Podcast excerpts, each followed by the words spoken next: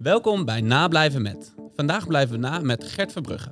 Gert is leraar Engels op het Alfring College in Deurne. Daar nemen we dit ook op. En op het Alfring stond Gert aan de basis van een nieuwe schoolbrede aanpak. Deze aanpak is geheel gericht op de onderwijswetenschap. In alles wat de school doet is de wetenschap eh, het uitgangspunt. Deze aanpak heeft Gert uitgebreid beschreven in blogs, ook andere podcasts. En ik geloof ook dat buiten coronatijd iedereen welkom is om op het Alfrink het van dichtbij te zien in het echt. Klopt toch Gert? Klopt, helemaal. Ja. Ehm, daarom eh, wil ik het vandaag met Gert hebben over de vraag hoe het hem gelukt is om deze aanpak in de school in te voeren. Want als je eenmaal de boeken hebt gelezen, de podcast hebt geluisterd, eh, de presentaties eh, overal hebt gezien, en je weet wel eens een beetje, je denkt in ieder geval wel eens een beetje te weten hoe het moet.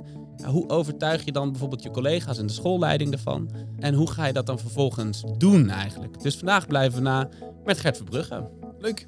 Heel fijn dat we hier kunnen zijn, eh, Gert. Geen probleem. We zitten in een soort, eh, nou ja, klein, heel klein eh, bibliotheekje met de gordijnen dicht. Ja, En het is vandaag open dag, hè? klopt. Vanmiddag, spannend. Spannend zeker. Maar laten we beginnen. Wat voor leerling was je eigenlijk zelf op de middelbare school?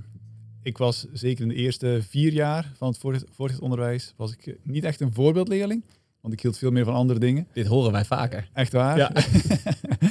nee, ik hield veel meer van, eh, van voetballen na de les. En eh, nee, ik was echt geen voorbeeldleerling. En dan de twee jaar daarna, ik heb in België op school gezeten, dus zes jaar sowieso. ehm, heb ik gewoon uitgezeten, want ik had het, na vier jaar had ik al voor doel dat ik, docent wilde worden. Ja, En toen die twee jaar daarna het, het, het middelbaar onderwijs nog uitgezeten en daarna ehm, ook maar het minimale gedaan. Maar eens ik naar het, eh, naar het HBO ging om docent te worden, was ik een van de beste studenten. Ja. Ik er echt voor zitten. ja, ja. Ja. Dus je wist al op de middelbare school, ik wil docent worden. Ja, Ja, ja echt. Maar pas, wel pas vanaf mijn 15, 16 ongeveer hoor. ja nou ja, Ik goed. was, eh, ja, ik was, ik was toen eh, heel goed in sport. En mijn Mhm. gymdocent die zei van, eh, Gert, waarom word je niet gymdocent? Mhm. Ik zei, oké, vind ik leuk. En in België, als je tweede graad studeert, dan kun je dus gymdocent worden en Ja. een vak erbij nemen. Dus ik heb ook Engels erbij genomen.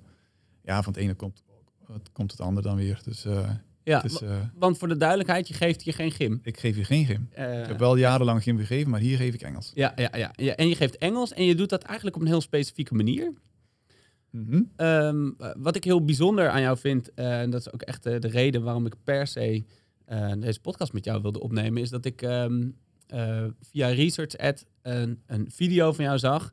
Waar je eh, echt jezelf in beeld had, de leerlingen Ja. niet, hè, vanuit nee. privacy-oogpunt. Maar eh, dat doen eh, maar weinig mensen op Research Ad. Hè. Dus zij vertellen hoe het moet, Ja, maar laten zien hoe het moet in een echte situatie. Dat vond ik heel bijzonder. Ja.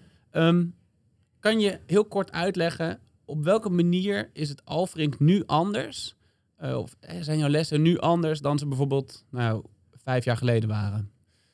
Ehm, Wat is, het grote verschil? ja, er is veel meer focus op leren. Veel meer. En leren op de lange termijn. Mijn lessen vijf jaar geleden waren zeg maar de, de proefwerken afvinken. De leerlingen wel meenemen. Maar ja, goed, als een leerling een, een vijf haalde, dan werd er al snel gezegd in een rapportvergadering van ja, die kan het niet aan. Ehm, en terwijl nu echt veel meer het principe is dat elk kind kan leren, elk kind kan het halen. Als wij maar op de goede manier lesgeven. Dat is wel een flinke verandering qua insteek. En dus, dus de focus ligt veel meer op het lange termijn leren. En aan de andere kant ligt de focus, en dat heb je waarschijnlijk ook in de video gezien, ehm, op de cultuur in de Ja. klas. Er is rust in de klas. ehm, de leerlingen kunnen overleggen, maar is, de docent is de, is de expert en die houdt het leerproces in de, die stuurt het leerproces. En op die manier kan elk kind ook leren. Ja. Dus dat is de grootste wijziging, denk ik. Van, eh, En jullie, jullie werken eh, met vier principes. Ja. Ehm, het lijkt me niet nodig om alles helemaal in detail te bespreken. Dan zou ik mensen echt willen aanraden om naar de veel langere podcasts Ja. te luisteren, waar we ook zeker naar zullen verwijzen in de, eh, in de show notes of eh, naar jouw blog, hè, Ja. want- waar je ook schrijft. Maar toch even die vier principes op een rij. Uh, het eerste is, en denk ik het, het belangrijkste om te beginnen, is eh, dat we evidence-informed werken. Ja. Dus we laten ons informeren door eh, eh, ja, praktijken die bewezen werken. Dus we gaan niet zomaar op ons onderbuikgevoel af. En dat is zoveel mogelijk evidence-informed. Je kunt niet, natuurlijk niet alles gaan afkaten in de details. Ehm, dus daar gaan we wel eh, van, van uit. Dus onderbouwing moet er zijn. Eh, het tweede is focus op kennis. Eh, kennis staat centraal, dus we gaan ons niet focussen op eh, alle algemene vaardigheden, de 21st century skills. Die eh, begint allemaal bij kennis. Zonder kennis heb je ook die vaardigheden niet.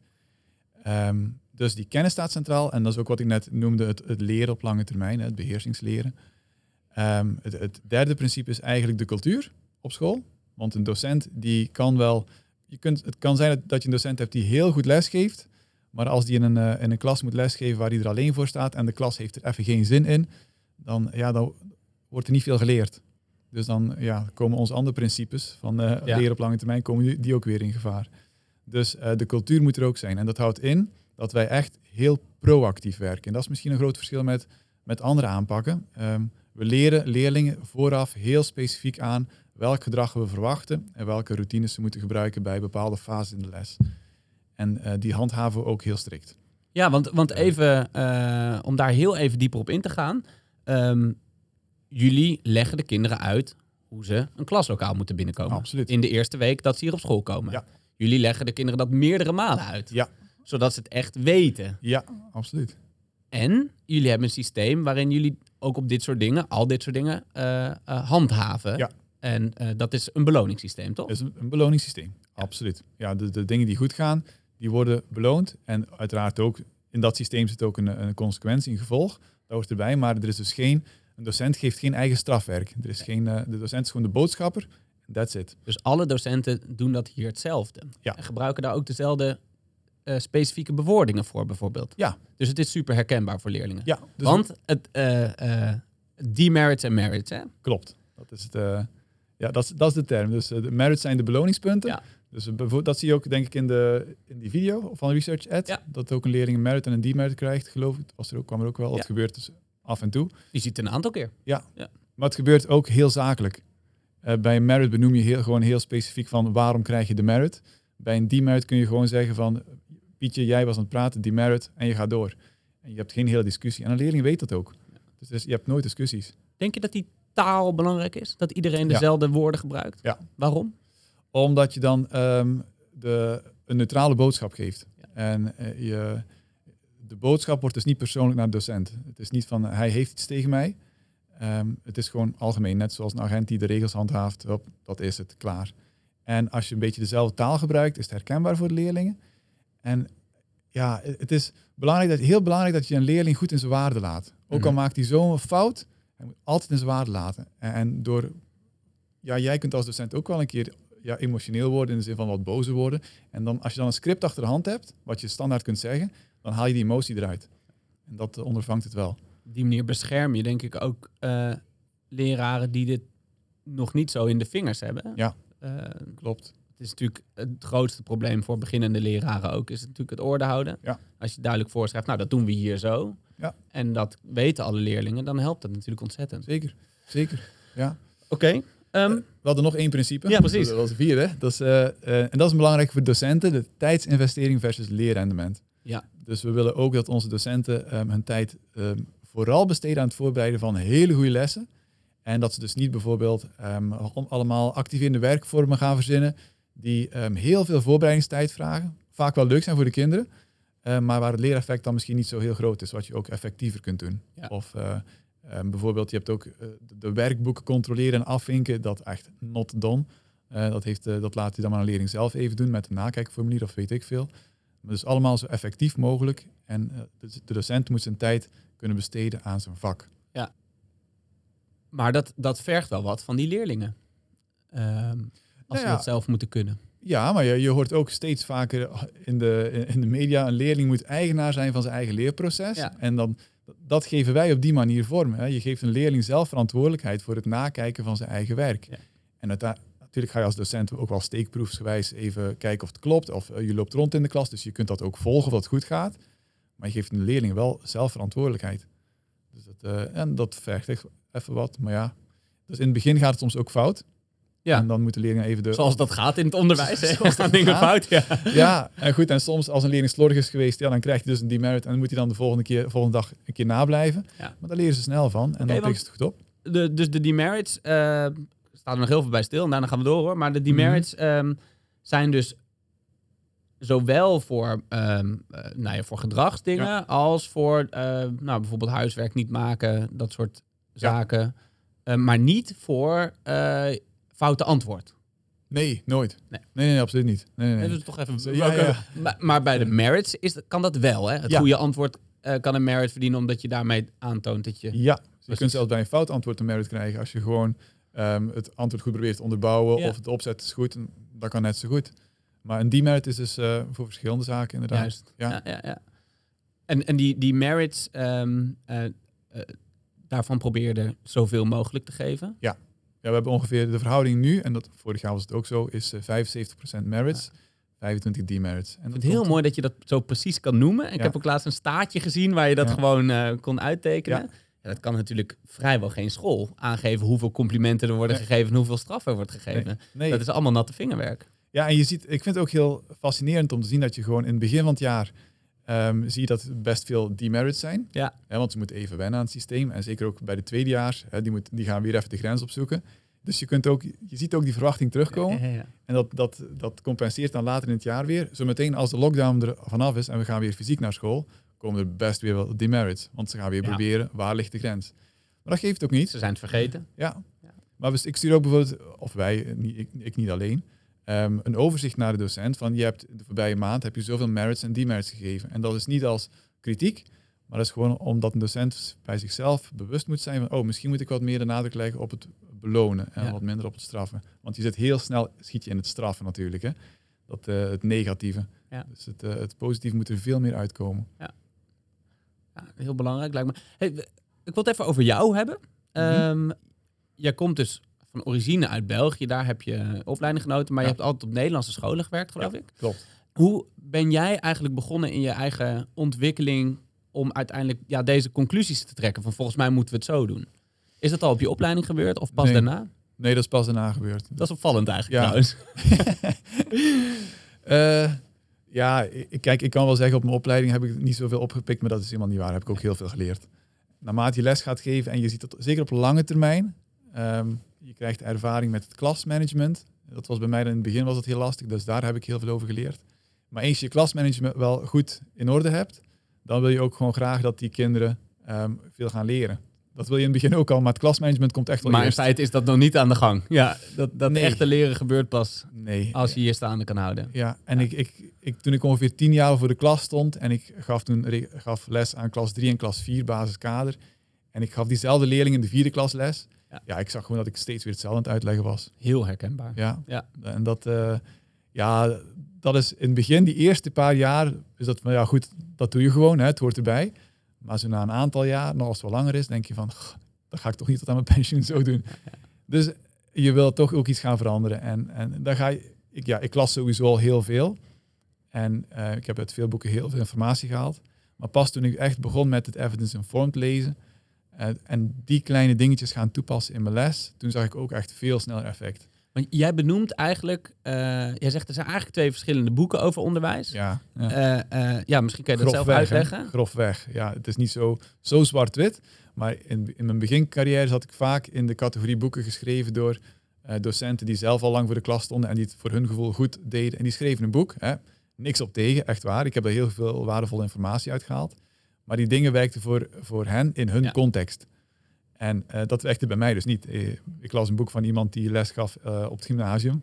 En ik stond in basiskaderles te geven. Ja, nou, dat Ja, klonk mooi. was maar- anders. Ja. ja, ik kon er een paar dingen uithalen, maar zo ga je uit heel veel boeken verschillende informatie halen. En het, het vervelende is dan dat je eigenlijk ook een beetje aan het experimenteren bent. Van ik lees een aanpak, oh ik ga hem eens proberen. En, maar je meet dan ook niet echt het effect. Mhm. Dat, dat is gewoon moeilijk bij te houden. Maar toen ik ging lezen in die evidence-informed boeken, waar dus ook echt bronnenlijsten achterin staan met eh, verwijzingen naar wetenschappelijk onderzoek.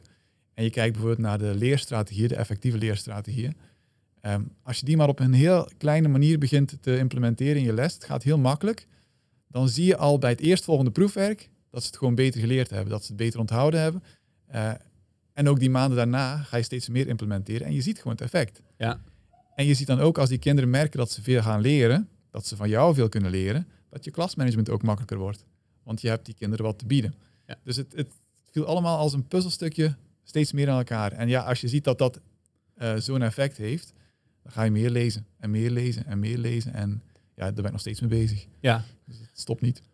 Maar eh, is het dan zo? Moet ik me op een gegeven moment voorstellen van, nou ja, eh, je hebt het Alfrink en daar was één leraar bezig met eh, evidence-informed lesgeven en de andere leraren eromheen, eh, die, die zagen dat op een gegeven moment gebeuren en dachten, nou, dit willen wij ook? Of eh, is dat anders verlopen? dat is een, een, eh, een goede. kijk, ik geef hier nu vijf jaar les. En toen ik hier les kwam geven in de eerste klas, had ik eigenlijk op het vlak van klasmanagement, dat was echt geen probleem. Dus ik kon me volop focussen op het, op het lesgeven. Ja. Dus ik gaf ook wel, nou ja, goede lessen. Nog niet zoals nu, nu geef ik ze nog beter, vind ik. Maar ik gaf wel goede lessen. En ik gebruikte ook heel vaak um, bijvoorbeeld techniekjes van Teach Like a Champion. Ja. Um, cold call en no hands up of noem maar op.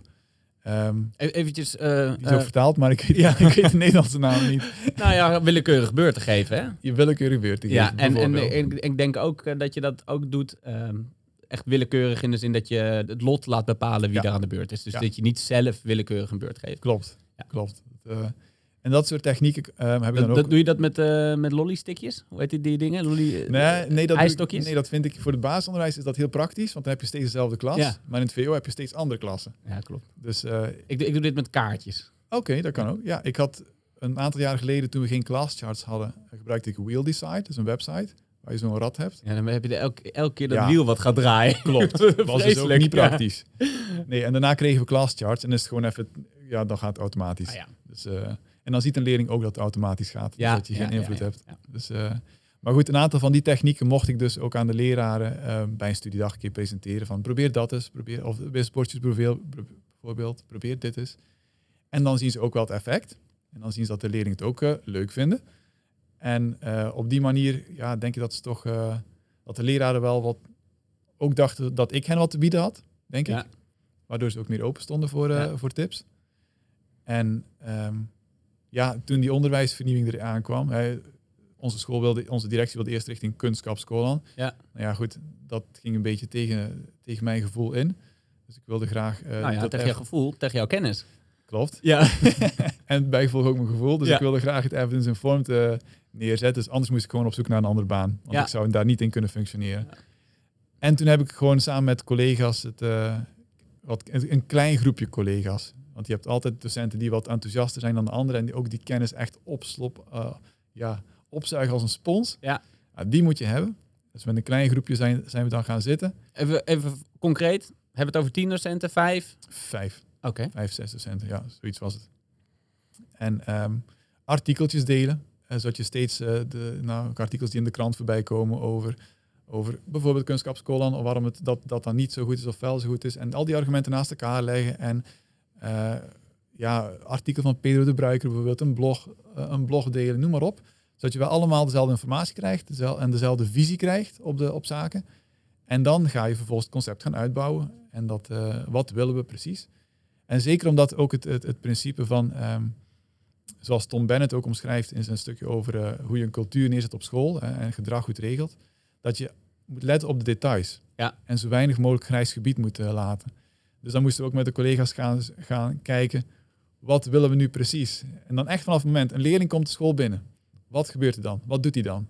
Nou, Oké, dan gaat hij naar de kluis. En wat dan? De bel gaat. Wat, wat, waar gaan ze staan? Hoe gaan ze binnenkomen? Hoe start je les? Wat nu als een leerling even een prul uh, iets moet weggooien? Alles staat. Wat als hij naar de wc moet? Wat als hij naar de wc moet, bijvoorbeeld? Ja, Dit dus... weet ik nooit. wat je dan moet doen. Wij geven ze altijd het voordeel van de twijfel. Ja. Tot als we zien dat het te vaak is. Ik vind als een kind naar het toilet moet, ja. Dat vind ik ook. Totdat er op een gegeven moment drie tegelijk naar het toilet moeten. Klopt. Ja, Klopt. Maar goed. Uh, laten we, we kunnen nog een hele andere podcast een keer over opnemen. Ja, een sanitaire podcast. ja, precies. Wat ik wel heel interessant vind, is dat je zegt... Ja, uh, we wilden eerst een andere kant op met de school. Ontstaat ja. er dan niet een richtingstrijd? Of een idee van... Ja, de school wil deze kant op. Vijf mm -hmm. docenten willen eigenlijk Oh, Bijna nee. tegenovergestelde? Nee. nee nou, nee, dat is niet helemaal, maar goed. Nee, want het, principe, het, het was zo dat eigenlijk de directie ja. um, had aangekondigd... wij willen richting kunstkapschool. Ja. En uh, de directie is directie van vier deelscholen. En dus uh, um, onze deelschool, het Alfring College... Um, daar was de, ons werkgroepje dus bezig. En wij gaven dus ook te kennen aan de directie van... ja, maar wij willen graag ja. dit doen. En toen hebben wij het voorgesteld aan de rest van de collega's... en die waren allemaal heel enthousiast... Want wij zijn eigenlijk al een school die sowieso wat meer van traditioneel onderwijs is. En die docenten wilden ook gewoon lesgeven. Dus die zagen het ook niet zitten om richting kunstkapschool aan te gaan. Uh, en wij hebben dat gewoon teruggekoppeld naar de directie. Wij willen graag die kant op. En we hebben die kans gekregen. En dus dat, de directie heeft eh, eh, gewoon echt goed naar de werkvloer geluisterd. ja, Ja. ja. Nou, dat wou ik nog wel even benoemen. Ja, nee, dat is absoluut belangrijk. Ik, ik denk echt, en dat is even mijn persoonlijk gevoel daarbij. Hè. Ik denk als, toch, als zoiets toch doorgezet wordt, je moet mee dat je heel veel goede docenten verliest. Want Ja. die gaan ergens anders gaan werken. Ja. Dat denk ik echt. Hey, en ehm, nou ja, het is bekend dat het vervolgens hier is ingevoerd in de, in Ja. de, in de brugklas, nu ook in de tweede klas geloof ik. Het, gaat, het zit nu in de tweede klas. Jullie hebben het eerst helemaal uitgetekend. Ja. Eh, jullie zijn het niet gaan proberen in één klasje of Nee. eh, waarom Nee. niet? Ehm, omdat het gaat om de cultuur. Juist. En je kunt geen cultuur neerzetten in één klasje. Je kunt niet zeggen tegen alle kinderen, bijvoorbeeld, je komt in stilte een klas binnen, terwijl die kinderen een lokaal verderop, iedereen kletsend de gang eh, het klas zien binnengaan. Ja. Dat kan niet. Nou, dit is eigenlijk eh, wat er gewoon gebeurt in heel veel scholen. Hè? In de- In de ene klas gelden de ene regels, in de andere Ja. klas gelden de andere regels. Dan heb je elke keer de discussie opnieuw. Ja. Eh, En bij sommige leraren heb je nooit de discussie, want dat, die stralen soort van uit. Klopt. Maar niet alle leraren ehm, kunnen dat. En ja, zou ook niet hoeven, denk ik. Nee, het is eigenlijk de bedoeling is echt dat in een systeem zoals wat wij hebben, dat elke leraar daar les in kan geven. Want je kunt leraren hebben. Ik heb al in mijn carrière veel leraren gezien die heel goed les kunnen geven, maar gewoon niet zo sterk zijn in klasmanagement. Ja. En die vallen dan na, na een tijdje vallen die uit of kiezen die iets anders. En dat is echt zonde. En we hebben al een lerarentekort, dus je moet die mensen echt binnenhouden. Want je zegt ook eigenlijk met dit systeem eh, bescherm je dus de leraar. Ja, Want je kan niet van iedereen verwachten dat ze zo'n uitstraling hebben. Dat alle kinderen eh, nou ja, op elk moment naar ze luisteren of doen wat ze zeggen. nee, Ja. nee eh, sterker zelf. ehm, ik denk dat er geen enkele leraar is, bijna geen enkele leraar. Ik ben echt van mening als een klas, als je voor een klas staat en die klas wil absoluut niet, Gaat het niemand gaat lukken. nie- niemand lukken. Ja, maar er, er was dus een zekere mate van, van urgentie. Het was wel duidelijk van, nou ja, we, we willen ergens heen. Ja. Ehm, moest wel vernieuwd worden. Er moet Ja. iets gebeuren. was ook iedereen het erover eens wat, er, wat, de probleemstelling, wat de probleemstelling eigenlijk was? Wat, eh, wat er aan de hand was? Zeg maar, wat jij benoemt van ja, in de eerste, in de tweede, derde, vierde moest ik ze telkens hetzelfde uitleggen. Mhm. Dat zag iedereen zo? Ja. ja, en je, ze zagen ook dat eh, steeds meer leerlingen in klas, vanaf klas 2, de tweede helft van klas 2 naar klas 3, minder gemotiveerd raken. En dat, dat leerlingen afhaken. Ehm, en dat gewoon ook voor onze docenten in klas 3 en klas 4 soms heel vervelend lesgeven was. Sommigen kon deden het heel goed. Ja. En dan heb je weer het verschil. Hè? En Ja. sommigen moesten overleven. Ja. En dat is niet de bedoeling. Maar nu, nu ben ik wel ook benieuwd naar die collega's die eigenlijk best wel goede lessen gaven, Mhm. maar niet volgens dat evidence-informed systeem. Ja. Hoe ga je dan daarmee om? Want ik kan me voorstellen dat die collega's zeggen, ja, maar waarom zou ik het anders gaan doen? Ja. Het gaat eigenlijk prima bij mij. Veel met die mensen praten. Ja, je werkt in een team. Want dit zijn hele goede leraren. Klopt. Maar, maar, ik was, ehm, ik was vroeger ook een, eh, een hele goede leraar in dat opzicht. Want ik had mijn klas ook stil. En ik werkte bijvoorbeeld op mijn vorige school ook met een beloningssysteempje, wat andere leraren niet deden. Ja. Maar ik heb ondertussen wel geleerd dat ik met die handelingen het heel moeilijk maakte voor mijn collega's. Waarom? Omdat ik de populaire was. Bij mij kon ze beloningen krijgen. Ja. En eh, ik deed iets met die beloningen. En ik, ja, ik, ik had ook leuke activiteiten en, en noem maar op. En met, daardoor maakte ik het gewoon moeilijk. Want als ze dan naar een volgende docent ging, kregen ze misschien wel weer een, saaie les. Of die had die beloning niet. En waarom doet u dat dan niet? Of ja, je haalt gewoon je collega's onderuit. En als je, ehm, dat doe je niet bewust, hè? Dat heb Nee. ik ook niet bewust gedaan. Maar als je dat gesprek aangaat met die ehm, meer ervaren docenten, dat zij eigenlijk ook gewoon een, een ja, dat ze in een team werken en dat zij de- door, door hun gedrag het mak- makkelijker kunnen maken voor andere docenten, dan staan de meesten er wel voor open hoor. Dan Ja? moet het toch al best asociaal zijn om te zeggen van nou, ze, ze zoeken het maar uit, ik doe mijn ding. Als ze dat toch doen, dan denk je dat je als leidinggevende daar echt een, een st- een stap in moet zetten. Ja. Dat denk ik echt. Ja, want ik, ik, ik denk toch ook wel dat heel veel docenten ook zouden kunnen zeggen van ja, misschien is het goed als jullie het allemaal op mijn manier gaan doen. Ja. In plaats van ik op jouw manier. Maar als je naar die docenten vraagt, hoe doe jij dan precies, Ja. kunnen ze het vaak niet uitleggen. Ja. Dat, ja, Denk jij dat het ehm, de kracht van het plan is? Of de kracht van jullie, dat kleine groepje, of misschien wel jou persoonlijk, eh, die dat uiteindelijk voor elkaar heeft gekregen? ik denk dat het nu een combinatie is van. Ja. Ik denk dat eh, je hebt altijd op een school denk ik wel mensen nodig die, het- die het aansturen en die er, eh, die er steeds achteraan zitten om die lat hoog te houden voor iedereen. In het begin was ik dat heel erg en nu is, ja, is dat echt een olievlek. Steeds meer collega's nemen dat op. Dus, uh, we hoeven eigenlijk niet telkens jou te vragen voor die podcast. We kunnen eigenlijk beter, beter is iemand anders gaan vragen. Ik snap ook niet waarom ik hier zit, maar goed.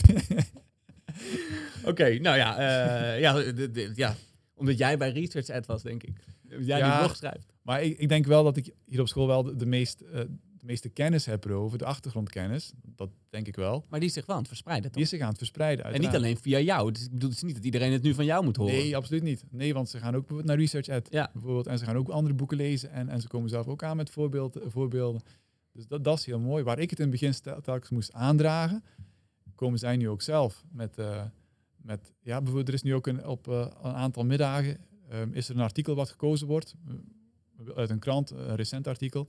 En dan gaan een groepje docenten gaan het artikel lezen, gaan het samen bespreken. Nou, daar heb ik niks mee te maken verder, maar dat, uh, dat ontstaat. Hoe ziet jullie professionalisering er nu uit?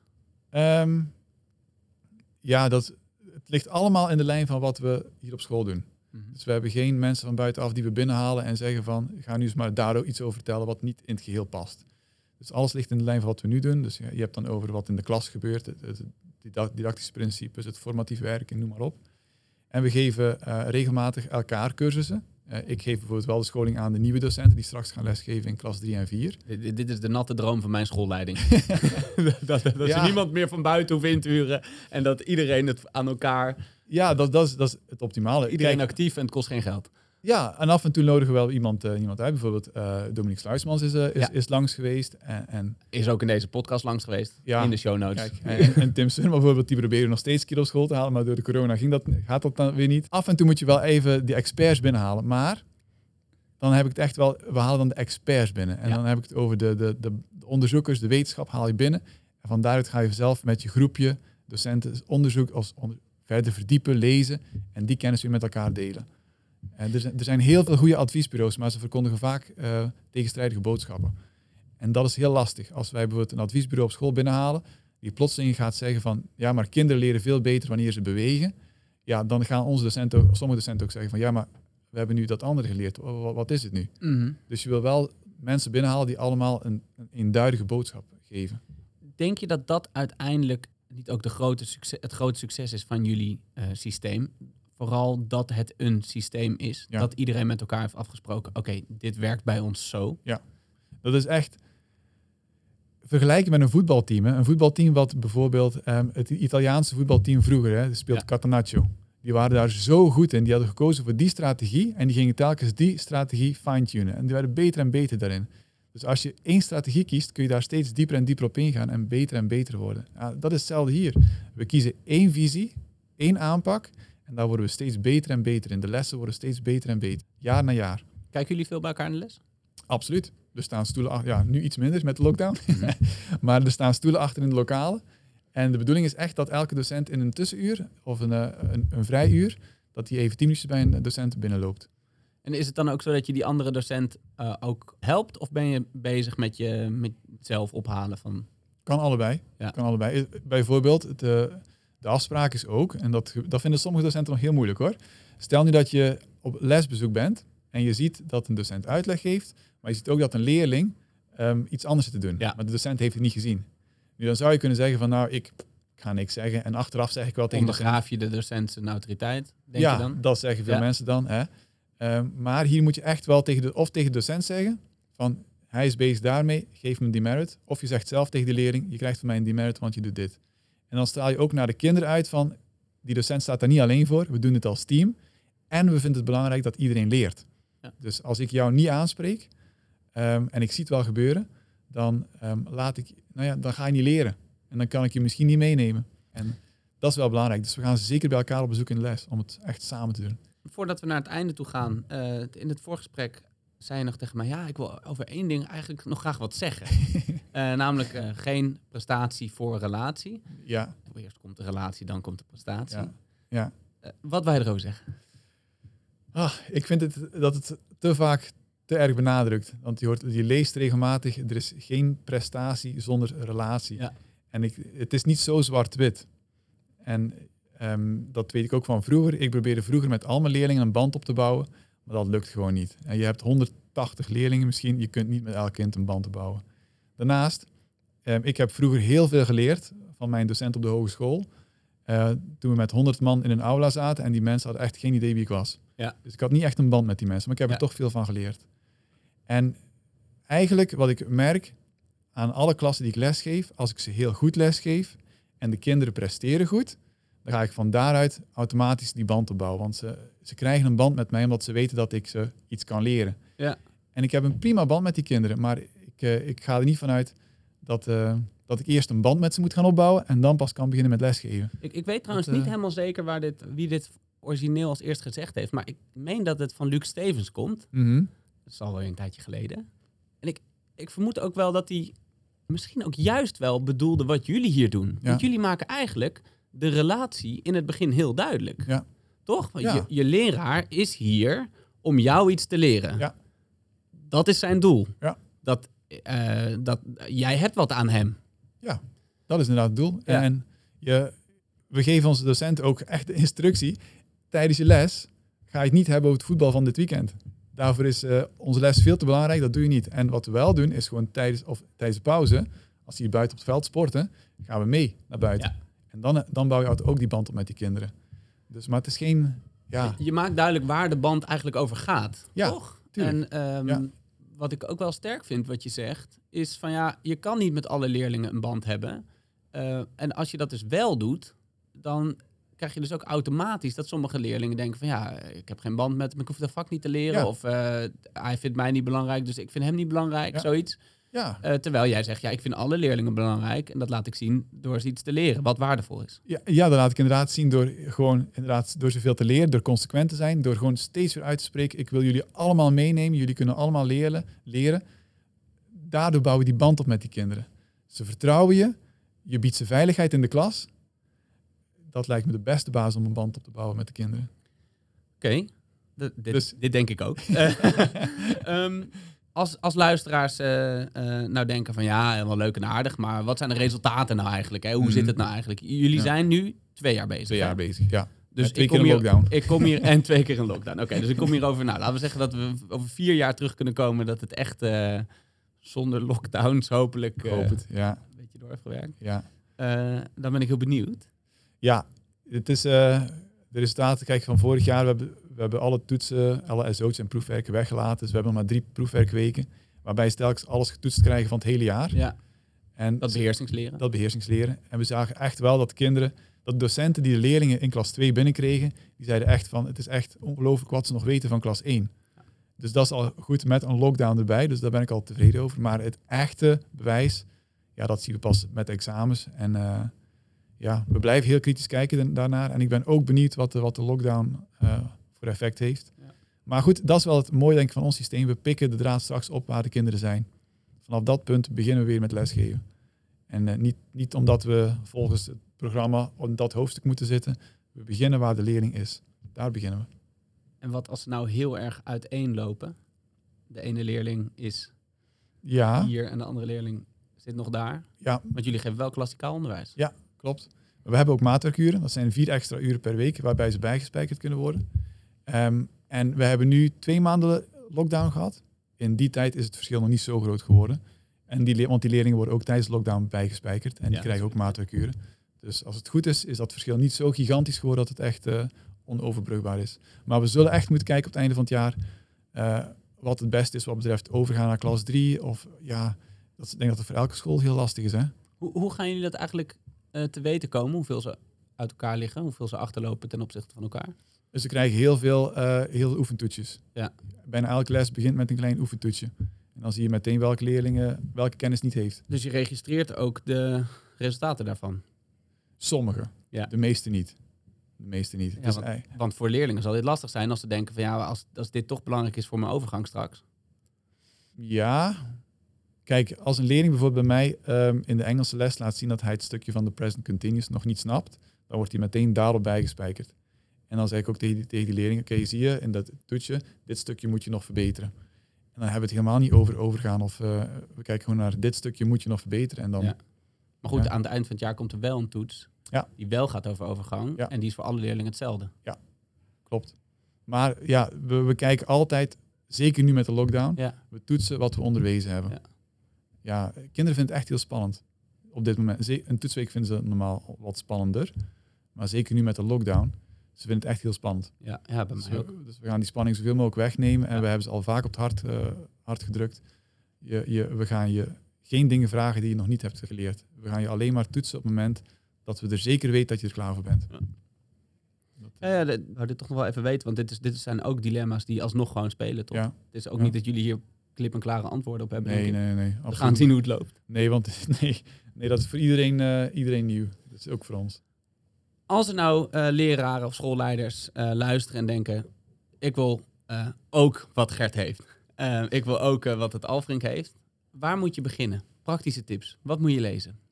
Ik Wat zou, moet je luisteren?